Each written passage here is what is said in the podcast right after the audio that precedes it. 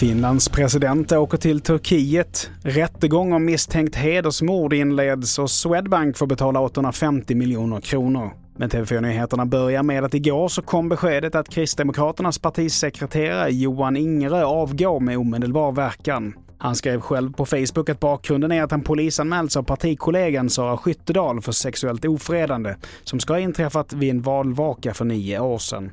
Och så här kommenterar KDs partiledare Ebba Busch.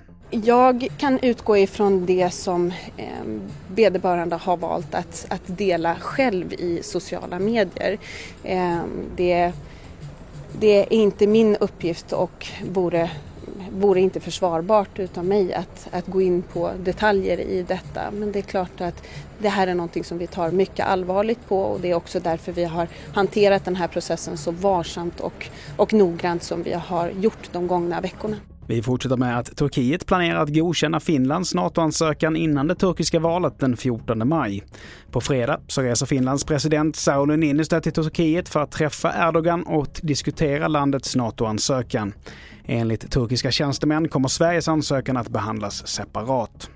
Vidare till Göteborg där rättegången om ett misstänkt hedersmord på en 38-årig kvinna inleddes idag. Två bröder står bland annat åtalade för mord på sin mamma och fallet har satt fokus på att det förekommer hederskultur och parallella rättssystem inom delar av den romska minoriteten i Sverige. Något som experter välkomnar. Ja, dels kan det vara så att personer som har begått brott kan dömas för de brotten.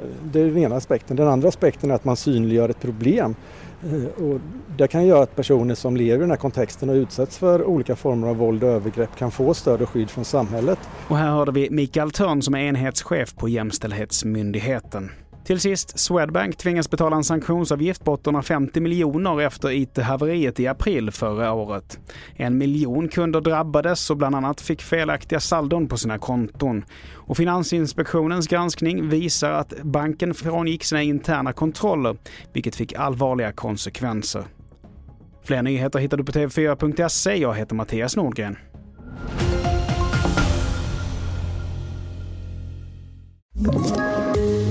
Poddtips från Podplay. I podden Något Kaiko garanterar östgötarna Brutti och jag, Davva, dig en stor dos skratt. Där följer jag pladask för köttätandet igen. Man är lite som en jävla vampyr. Man har fått lite blodsmak och då måste man ha mer. Udda spaningar, fängslande anekdoter och en och annan arg rant.